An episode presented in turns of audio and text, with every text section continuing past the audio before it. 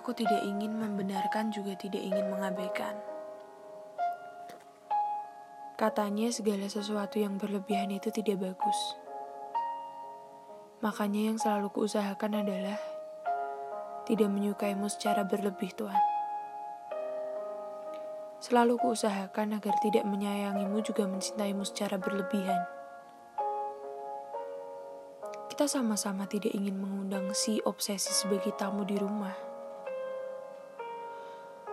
Kita juga sama-sama tahu obsesi adalah hal yang ingin kita hindari.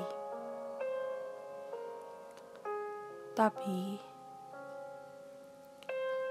akhir-akhir ini aku ragu, Tuhan. Iya, ragu. Apakah benar obsesi tidak bercampur tangan di antara kita? Entah dariku atau darimu. Mungkin saja tanpa sengaja, obsesi masuk ke rumah kita.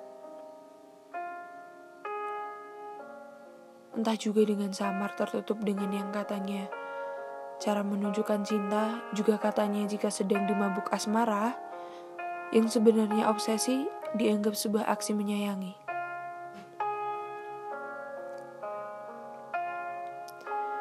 Tapi aku juga tidak tahu, entah aku atau kamu.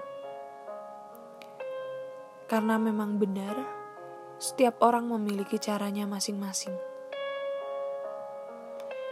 Mungkin yang kuanggap biasa dianggap tidak biasa. Mungkin yang kuanggap tidak biasa dianggap biasa saja.